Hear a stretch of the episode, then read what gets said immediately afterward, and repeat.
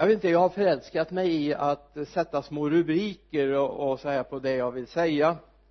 Och det är, är ju lite grann för att du ska ha något att hänga upp det på va? Och då är det ett uttryck som finns i första kapitlet i Fesebrevet. En rätt kunskap om Gud. En rätt kunskap om Gud. Man kan ha fel kunskap om Gud man kan ha egna konstruerade idéer om vem Gud är. Vi ska läsa ifrån Efesierbrevets första kapitel vers 15 till och med vers 19 Efesierbrevet 1 15 till 19 sedan jag hört om er tro i Herren Jesus och er kärlek till alla de heliga upphör jag inte att tacka Gud för er när jag nämner er i mina böner. Jag ber att vår Herre Jesu Kristi Gud, härlighetens fader ska ge en vishetens och uppenbarelsens ande så att ni får en rätt kunskap om honom. Jag ber att era hjärtan skall upplysas så att ni förstår vilket hopp han har kallat er till och hur rik på härlighet hans arv är bland de heliga och hur oerhört stor hans makt är i oss som tror. Därför att hans väldiga kraft är verksam. Vers 17 igen. Jag ber att vår Herre Jesu Kristi Gud, härlighetens fader skall ge er vishetens och uppenbarelsens ande så att ni får en rätt kunskap om honom. Vers 18 jag ber att era hjärtan ska upplysas så att ni förstår vilket hopp han har kallat er till. Och rik på härlighet hans arv är bland de heliga. Amen.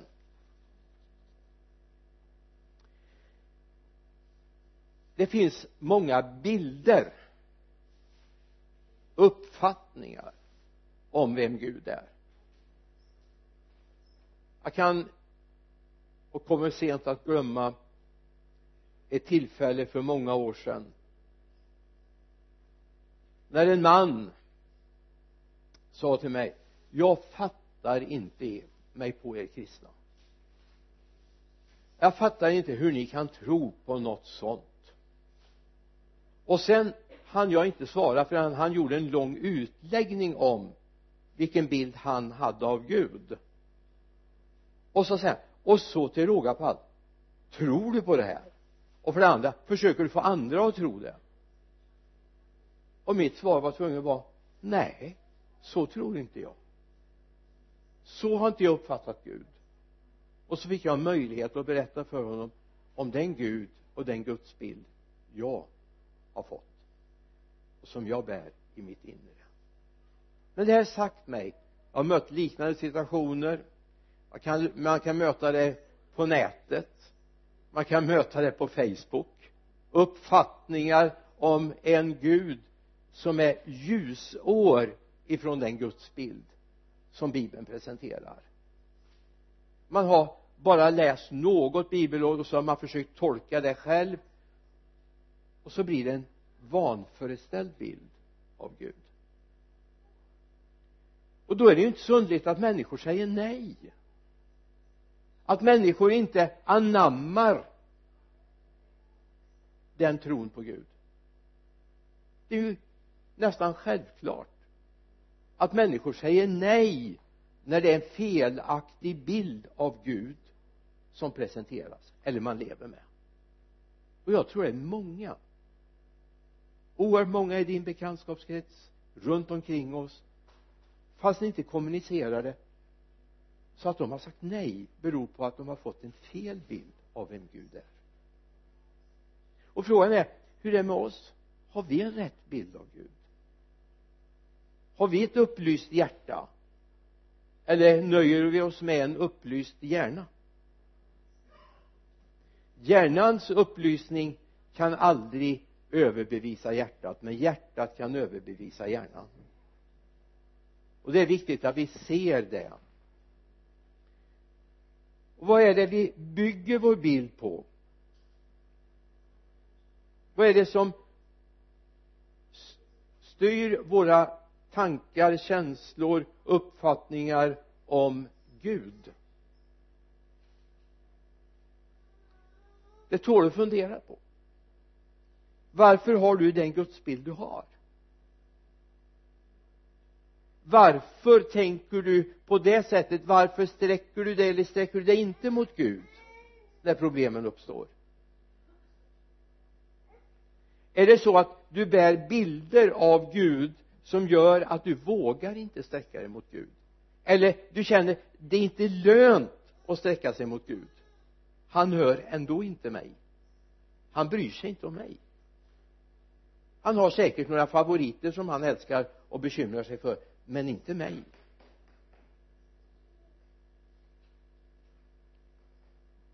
Alltså nu kanske jag generaliserar lite grann men eh, lyssna klart. Jag tror jag är övertygad om att vi vill se eller möta den tilltänkta den vi ska leva med hon eller honom. Han eller henne. Jag tror det är svårt att bli kär annars.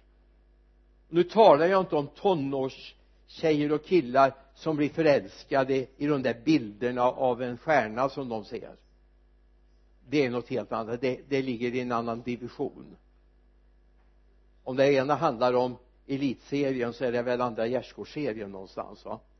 För det byter ju allt efter vilka bilder man har på väggen och så vidare. Det är inte det jag talar jag talar om den här helgjutna kärleken till Jesus Kristus. Jag måste möta honom för att få den. Jag måste se honom för att fyllas av hans kärlek. För att jag ska få en rätt bild av vem Gud är och vad Gud kan och hur Gud vill handla med mitt liv för det vill han. Gud vill någonting med ditt liv. Du måste få upptäcka honom. Du måste våga gå upptäcktsfärd med Gud. Så att han får visa dig vem han är vad han vill och vad han kan göra. Avfärda honom inte så lätt. Jag är fascinerad av ska säga två liknelser är vi kanske som är sammanförda på en plats i Matteus 13 verserna 44, 45 och 46 Matteus 13, 44 till 46 det berättar Jesus lite hur det kan bli. Himmelriket är likt en skatt som är gömd i en åker. En man finner den och gömmer den och i sin glädje går han och säljer allt vad han äger och köper den åkern. Himmelriket är också likt en köpman som söker efter vackra pärlor. Och när han har funnit en mycket dyrbar pärla går han och säljer allt vad han äger och köper den. Två händelser i det här sammanhanget eller två paralleller. Båda säger han fann det. Han fann det. Och får jag göra min egna lilla översättning och fick kärlek till det. I första fallet går han och gömmer det i åkern på nytt igen. Och sen nöjer han sig inte med att bara köpa skatten han köper hela åkern. Men det blir en predikan för sig så den tar vi inte idag. Varför köper han hela åkern? Den andra han finner den där pärlan som han har sökt efter. Den där dyrbara pärlan. Han får kärlek till den. Han vill ha den. Och frågan är hur mycket får prislappen vara? Jo allt han äger. Han säger allt vad han äger. Och det här säger Jesus det här är som att hitta himmelriket. Hitta Guds värld, Guds gemenskap, Guds närhet eller det Gud råder det är värt att offra allt för. Allt.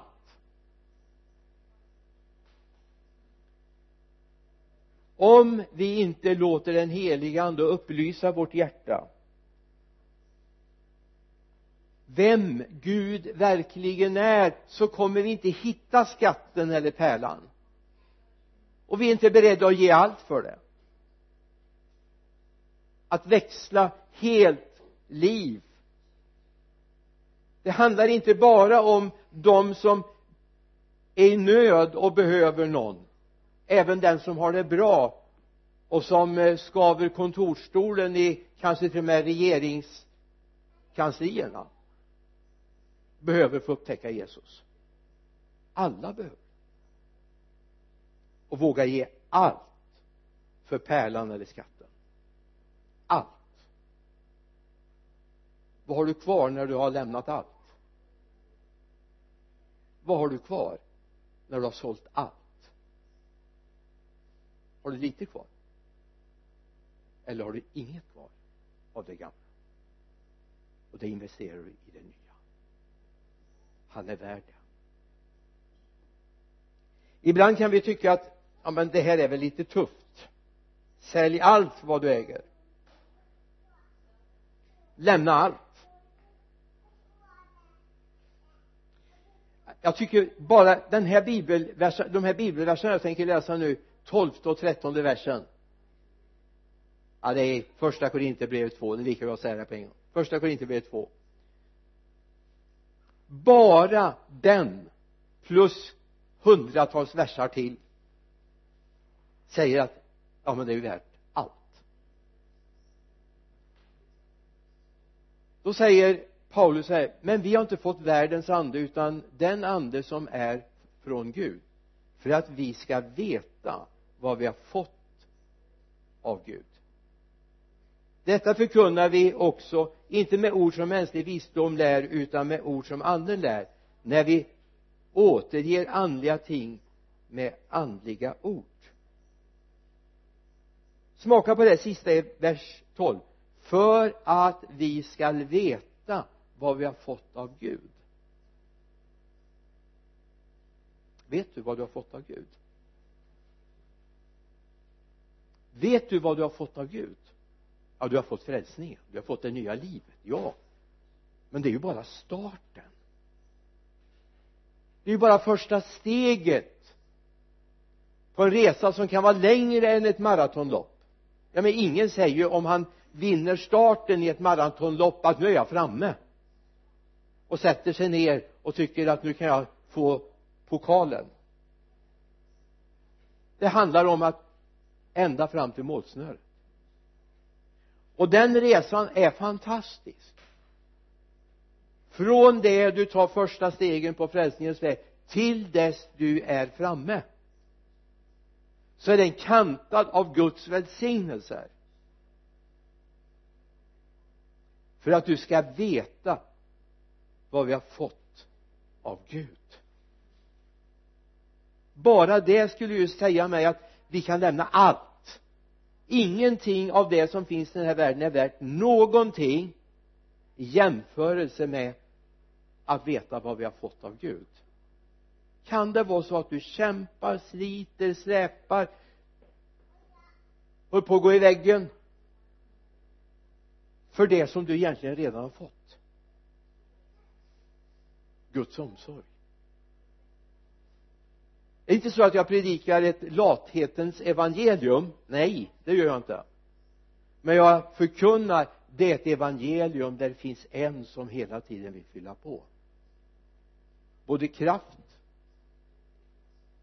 friskhet när vi blir sjuka och ekonomiska tillgångar. Gud vill. Gud vill. För det är inte alltid det räcker ihop det vi har tjänat ihop. Men Gud kan. Det är inte alltid så att du får att kontot när du kollar ditt konto på banken att det kom in en miljon på kontot. Och du får en smärre chock. Men det kan vara så att när du går och köper det där klädesplagget så just den dagen så var det 60 procent på det. Just den där dagen du behövde köpa någonting så var det billigare de hade kampanj på det sättet välsignar Gud. Eller det kanske är du nej den vill du inte ha den välsignelsen förstår jag. Nej. Vi kan eller ska vi bara berätta vilken jag tänkte på? Israels barn fick en välsignelse. Kläderna slets inte ut och skorna slets inte ut på 40 år. Men den välsignelsen kanske du kan klara utan, eller hur? Du vill gärna byta kläder. Ja. Men de behövde inte det de gick i öknen slet sina kläder slet sina skor eller sandaler. Behövde inte byta ut dem på 40 år. Visst är Gud fantastisk. Han kan göra på många sätt för att välsigna. Ha omsorg. Det fanns inte så många klädbutiker. Hennes som Mauritz-kedjan hade inte kommit till öknen ändå kanske inte finns där än. Alltså att se detta att Gud kan börja visa mig allt vad jag har fått av honom. Att få se det. Bara det är ju värt att sälja allt man har, eller hur?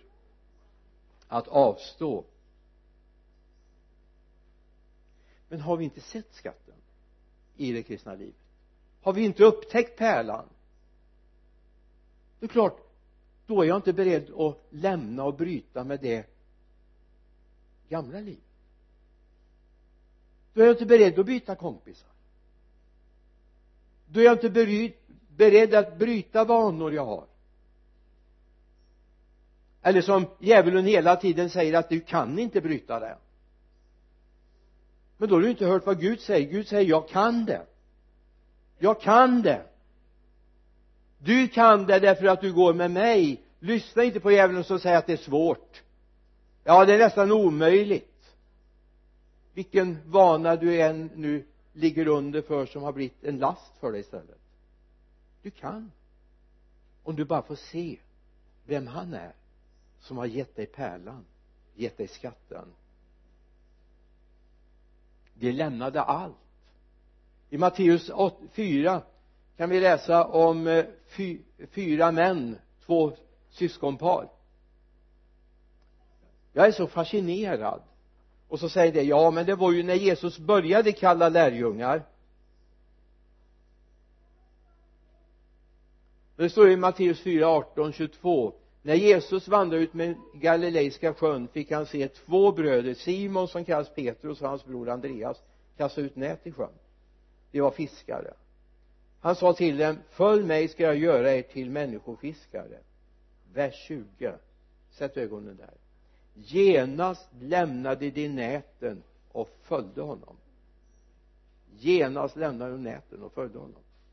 Vers 21 han gick vidare och fick se två andra bröder Jakob Sebedaios son och hans bror Johannes där de satt i båten tillsammans med sin far Sebedaios och gjorde i ordning sina nät. Han kallade på dem. Och genast lämnade båten sin far och följde honom. Det här kallar jag för uppbrott. Det kallar jag för uppbrott att våga gå en annan väg. Att våga följa en ny kallelse, en ny upplevelse. Alltså kompromissvägen är aldrig en bra väg. Det är aldrig en bra väg. Att vara hängiven Jesus på söndagen men inte på måndagen det håller inte. För ärligt talat är du inte hängiven honom heller på, på söndagen då det handlar om att sälja det som har varit. Vi behöver för det här ett upplyst hjärta. Ett upplyst hjärta. Och nu ska jag säga någonting som du kommer studsa för. Men jag vill att du lyssnar färdigt. Det räcker inte med att tro.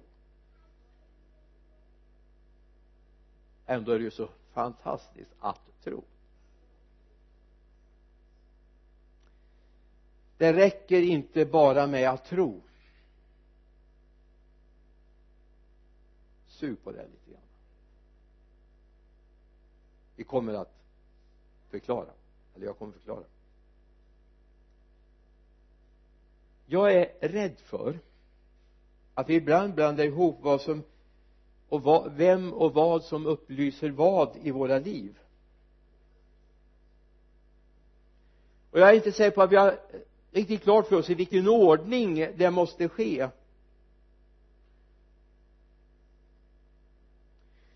Paulus eller Petrus ska jag säga Petrus. Johannes 6, 68 och 69 Johannes 6, 68 och 69 det är när Jesus har konstaterat att en hel del har lämnat gemenskapen och gått sin egen väg.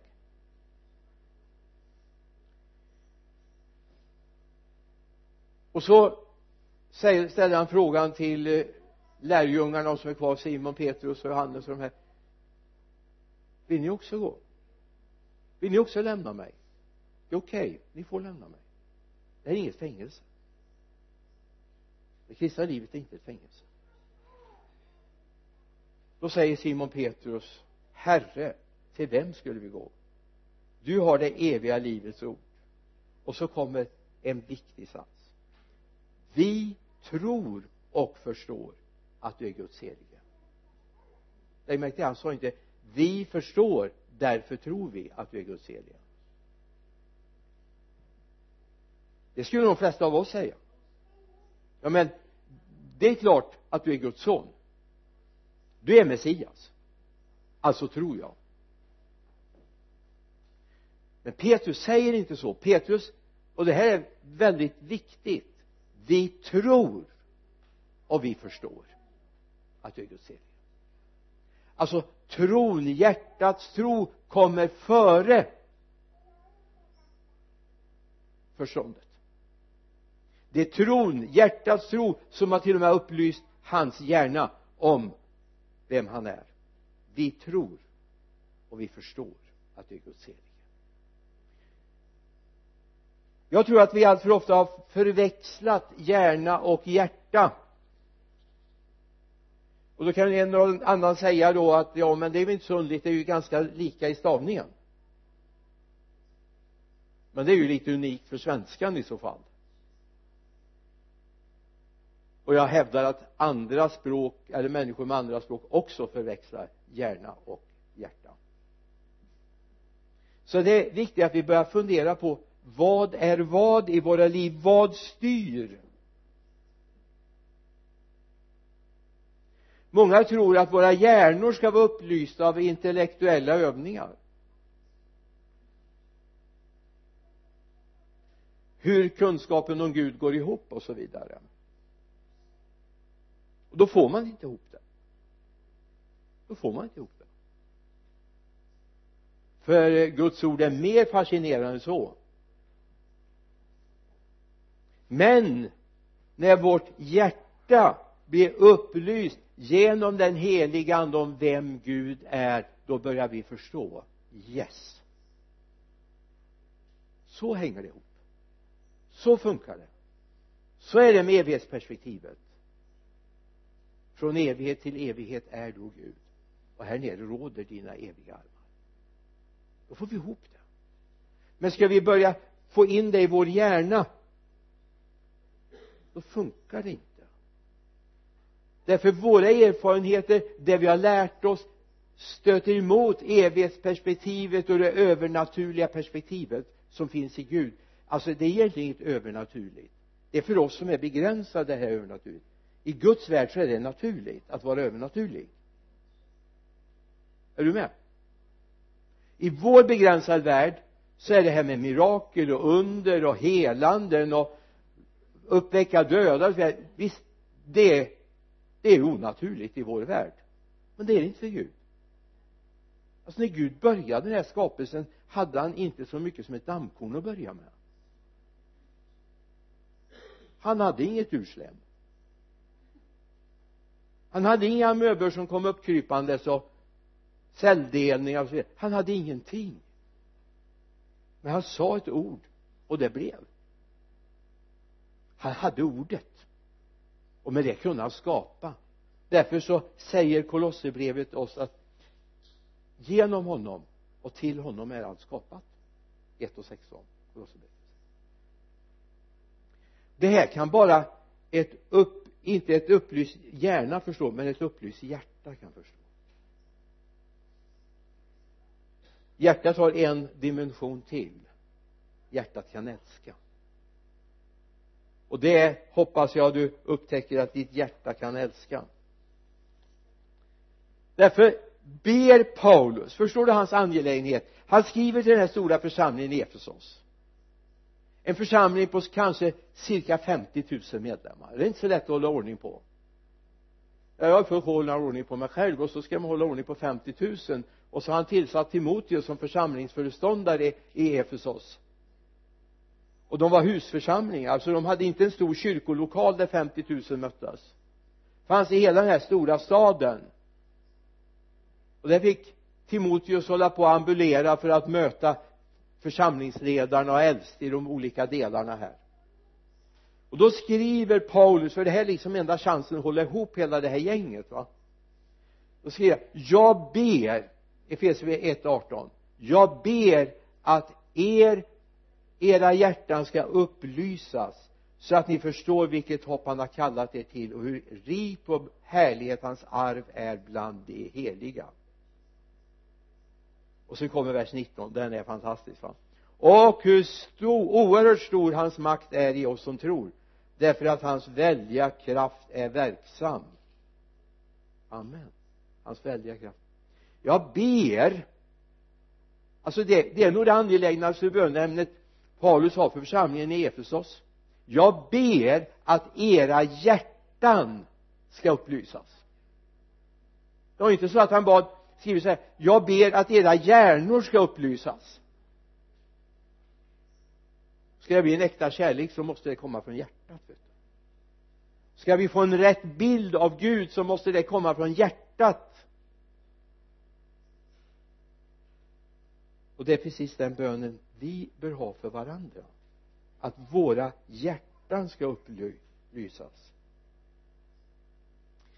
Några bilder som visar vikten av att hjärnan är upplyst eller hjärtat är upplyst och inte hjärnan. Vi har det i apostlagärningarna 16 och 7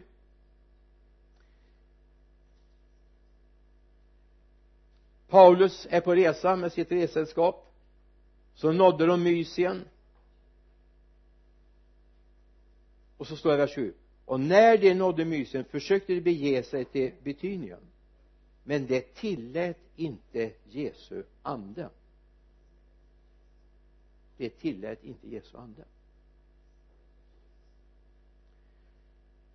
Jag tror inte inte med ett sånt hjärta som Paulus hade så behövde inte eh, Gud sända ut alla sina änglar som stod där med uppräckta händer och visade sig för Paulus och sa nej det går inte. Ni kan inte resa vidare till Betynien. Det, det går inte. Det är en katastrof. Ni ska inte dit. Lägg märke till att Paulus inte frågar en gång men varför då herre? Jag har ju köpt biljett. Inte en gång frågar men varför då herre? Utan han accepterar. Varför då? Jo därför han har lärt sig någonting. Det är att ha ett uppfyllt hjärta. Ett uppfyllt hjärta. Av vad då? Av Guds ande. Och vad är det du behöver ha? Du behöver ha ett uppfyllt hjärta av Guds ande. Annars kommer du aldrig älska Jesus. Blåser emot lite granna och kompisarna tycker något annat så kommer du snart att vika av från vägen. Men om hjärtat är hängivet Jesus då kommer du aldrig vika av. Så var det med Paulus. Här accepterar han sen på natten så får han ju den här synen när en makedonsk man står och säger kom över och hjälp oss. Och då förstod han att Gud hade kallat dem till Makedonien. Så kommer de till Filippi och så hamnar de i fängelse och ja det är en häftig historia.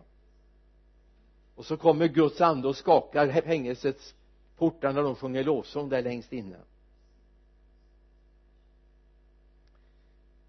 Så vad har vi lärt oss? Det är inte hjärnan utan hjärtat som ska påverkas av Guds ande. Det är inte strategier vi pratar om utan det är kärlek. När ditt hjärta är uppfyllt av kärlek när du ser vem han är. Och den bönen har jag i mitt hjärta när jag predikar idag som har funnits under hela gårdagen när jag höll på att förbereda det här. Ditt hjärta ska börja se vilken fantastisk Gud du har. Vilken fantastisk Gud du har. Och han vill leda dig och han vill göra det väldigt försiktigt. Han vill inte skicka ut flera patruller ifrån sin ängla här. Han, han har änglar att skicka ut om han hade behövt. Han vill bara tala in i ditt hjärta. Jag har en väg för dig. Jag har en plan för dig jag vill någonting med ditt liv. Men du får inte göra så.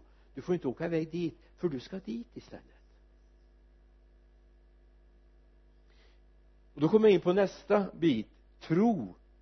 Har du släppt det nu? Det räcker inte bara att tro. Då är vi tillbaka där.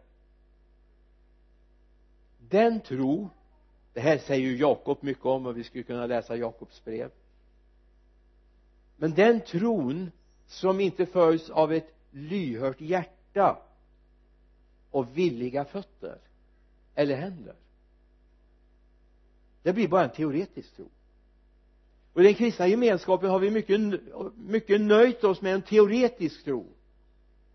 Om jag ringer dig på natten klockan tre och säger hur är det, tror du på Jesus? så svarar du sömndrucket ja det gör jag. Eller svarar du jag vet inte. Och då är det allvarligt. Men det är inte det det handlar om. Frågan är om du gör det han ber dig göra. Om du är där han vill att du ska vara.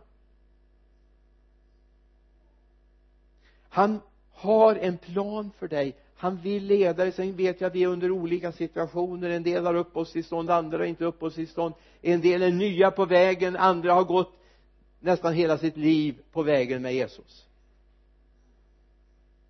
Ändå hävdar Gud har en plan för dig. Han vill någonting med ditt liv. Det är inte så att myndigheterna håller med att de men om du får beräkna att Gud är med dig och han kommer hjälpa dig. Han har en plan. Jag vill inte göra som Dial Moddy en känd förkunnare och författare på förra århundradet.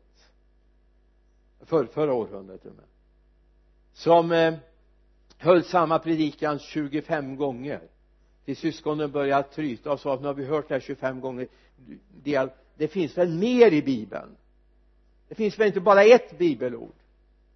Ja visst det finns mycket sa han. Det finns mycket man kan gräva och så tänkte de att nu får de en annan predikan nästa söndag men 26 söndag fick de samma predikan igen. Och då var en deputation från ledningen som kom fram och samtalade med honom väldigt allvarligt och sa det att hur är det egentligen? Varför? Har du inte tid att förbereda dig? Jo jag har tid att förbereda. Mig jag har massor av tid. Men varför får vi samma predikan? Jo sa han den dagen ni börjar göra det jag säger då ska jag byta predikan. Hallå? Jag har inte kört samma predikan 25 gånger va? Nej.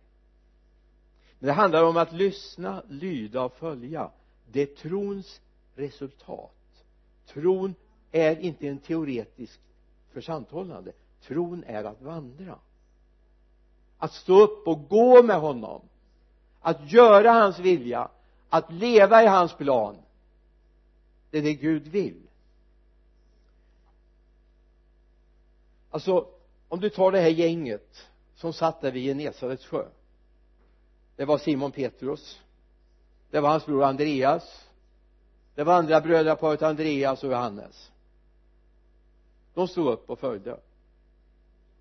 Alltså de kunde ju ha sagt så här Jesus du är fantastisk. Vi bildar en fanclub här vid Genesarets fanclub för Jesus. Vi kommer alltid tro på dig. Men Jesus sa ju för mig. Han sa inte bilda en fanclub och det har han inte sagt till dig heller. Det är inte en supporterskara Gud håller på att skaffa. Han skaffar ett lag. Han är inte intresserad av supporterklubbar. Utan han är intresserad av människor som säger yes jag går med dig. Jag litar på dig. Du kan göra det som människor säger är omöjligt. Det kan du göra. Jesus han vinner matchen sa det är inte det han behöver men han vill ha medspelare. De som av hela sitt hjärta hängivet är med honom på hans sida och som talar om jag älskar dig. Han sa följ mig. Matteus 4.19 följ mig så ska jag göra er till människofiskare. Genast lämnade de näten och följde honom. Det blir predikotexten i eftermiddag. Men nu släpper vi det. Följ mig så ska jag göra någonting av er. Det kan bli någonting av dig. Alltså den dagen Herren kommer på vilket sätt vi nu får lämna den här jorden det vet vi inte. Vi har inga löften. En del kommer att leva förmodligen till Jesus kommer tillbaka för jag tror inte det är långt bort. En del av oss som är lite gamla kan ju hända att vi får gå via graven. Det det är möjligt. Men var inte förtvivlad. Vi vet att vi vandrar och vi har lutat oss mot Jesus helt och fullt. Vi vet att vi har gett vårt liv för honom.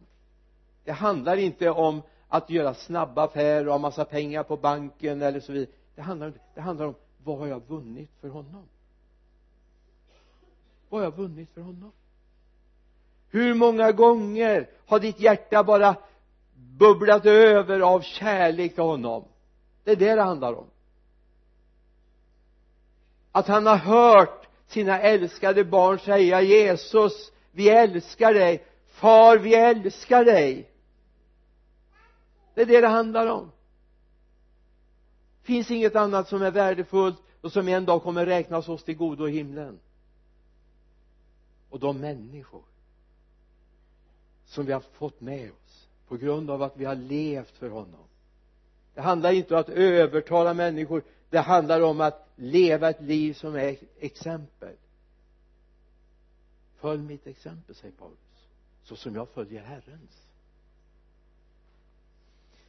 Det är viktigt att vi inser att det kristna livet handlar om att göra någonting. Tron handlar om att göra någonting när Jesus står där i templet Matteus 11 28 till 30 så säger Jesus kom till mig alla ni som arbetar och bär på tunga bördor så ska jag ge er vila.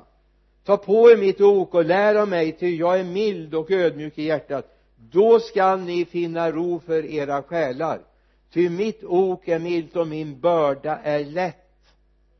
Kom till mig det handlar inte först och främst om att springa en lång marsch eller utan överhuvudtaget en inställning. Herre jag kommer till dig.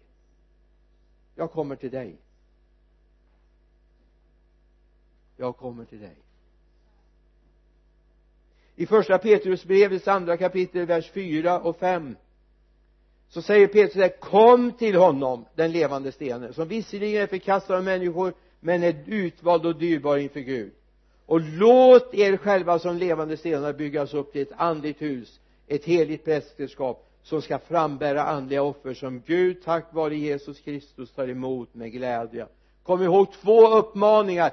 Kom till den levande stenen. Kom till honom som är den levande stenen. Och den andra uppmaningen är och låt er själva som levande stenar byggas upp. Vad viktigt det är att vi inser att vi faktiskt ska göra någonting. Vi ska låta oss byggas upp. Det är inte så att den dagen du sa Jesus nu tar jag emot dig så är allt fixt och klart i ditt kristna liv. Det är bara en start, du är på rätt väg. Men Gud måste få fortsätta att arbeta med du måste våga komma till honom den levande stenen för att låta dig formas som levande stenar i ett andligt hus där hans härlighet ska bo. Tar vi bara det ena. Att vi kommer till honom den levande stenen och fascineras av honom hur underbar han är men inte tar nästa steg och låter oss göras till levande stenar. Det här är tro när den sätts i verket. Det är tro när den sätts i verket vi vill komma till honom. Sen ska du veta någonting. Och det här kommer du stöta på till och från. Alla människor förstår inte det här med andliga ting. Alltså du kan förklara så du blir blå. De förstår ingenting ändå. Du kan skriva hur långa inlägg som helst på facebook och folk bara vadå då vi talar olika språk. Och då säger Paulus så här i första Korinthierbrevets andra kapitel vers 14 en oandlig människa tar inte emot det som tillhör Guds ande. Det är en dårskap för henne. Hon kan inte förstå det eftersom det måste bedömas på ett andligt sätt. En oandlig människa alltså en ofrälst människa kan inte ta emot det som hör Guds ande till. En icke-kristen människa förstår inte det vi pratar om. Och därför är det viktigt att det inte bara är ord utan det är framförallt det är våra liv som vittnar. Tron har fått uttryckssätt genom våra liv.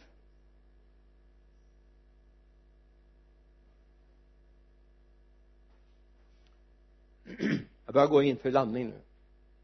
Jag säger inte att det är kort landning. Vi har en väldigt lång landningsbana här så att vi men vi vi får sätta på säkerhetsbältena nu för nu går vi in för landning. Det är lite luftgropar här framöver också så att eh, det är bäst ni sitter fastspända. Petrus Andreas Jakob och Johannes. Var fiskare i Genesarets sjö. De bytte från fisk till människor. Från nät till evangeliet. Det är ett uppbrott. Det är att göra någonting nytt. Att våga lämna det som är tryggt där jag alltid har varit att jag känner en trygghet i det jag har fått. Jag tror det här är jätteviktigt.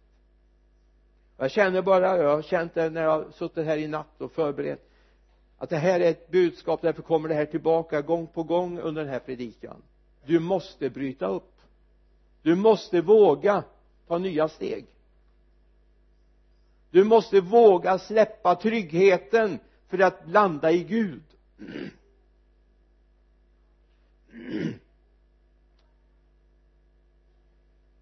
Om du ska bära ett barn.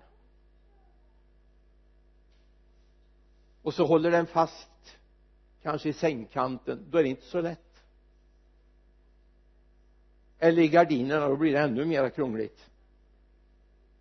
De lär ju inte hålla men det är precis det problemet Gud har med oss. Okej okay, Gud jag vill kasta mig i dina armar men jag måste hålla fast i det som är tryggt. Mina pengar min karriär mitt boende, mitt jobb, jag måste hålla fast.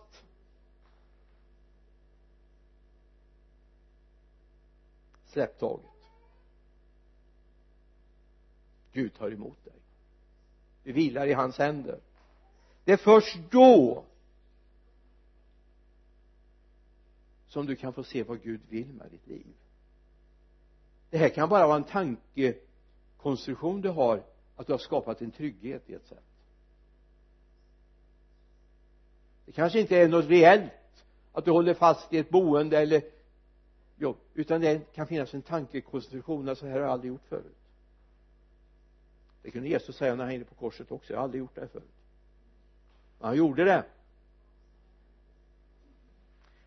Och så fick vi höra förut ur eh, Jeremia 29 jag ska läsa en vers? Vers 11 jag vet vad det handlar om.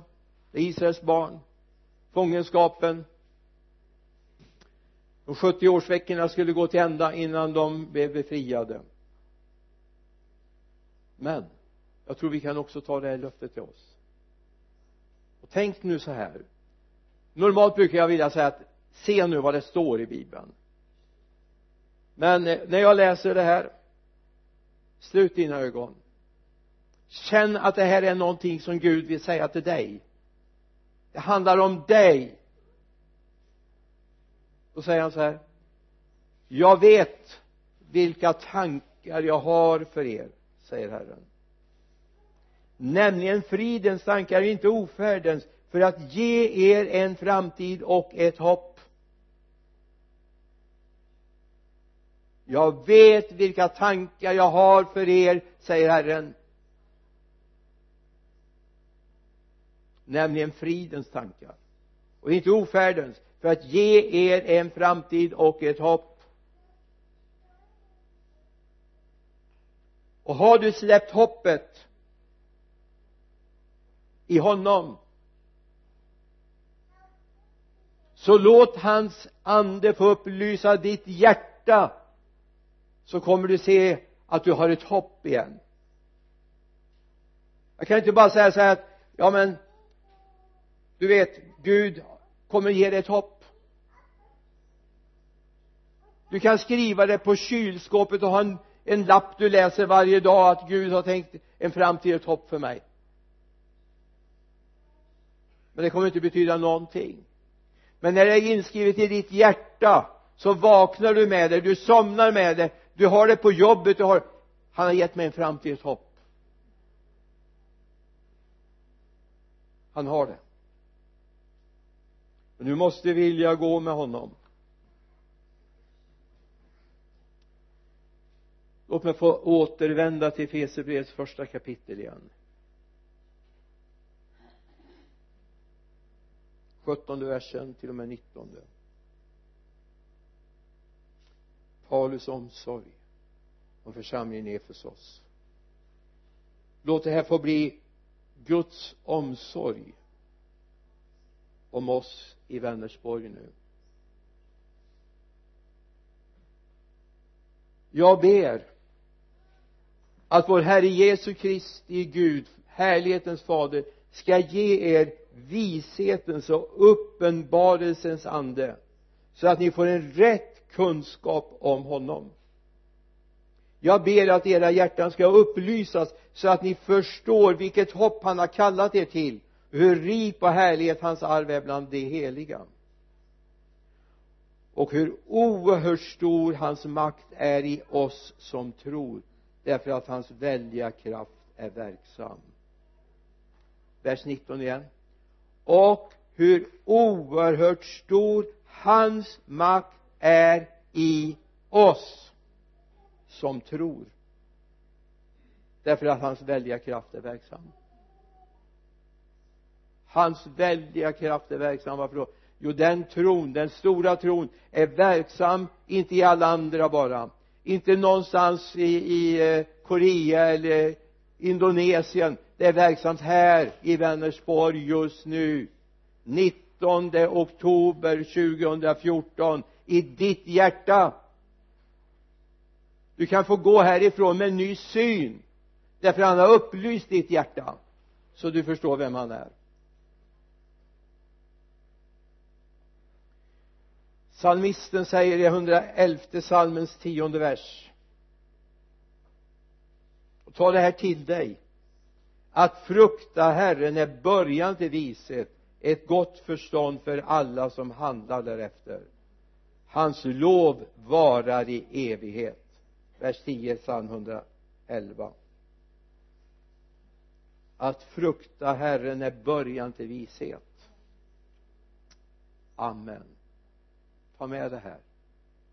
Kom ihåg det är inte hjärnans uträkningar om vem Gud är som gäller. Utan det är ditt hjärtas kärlek till honom.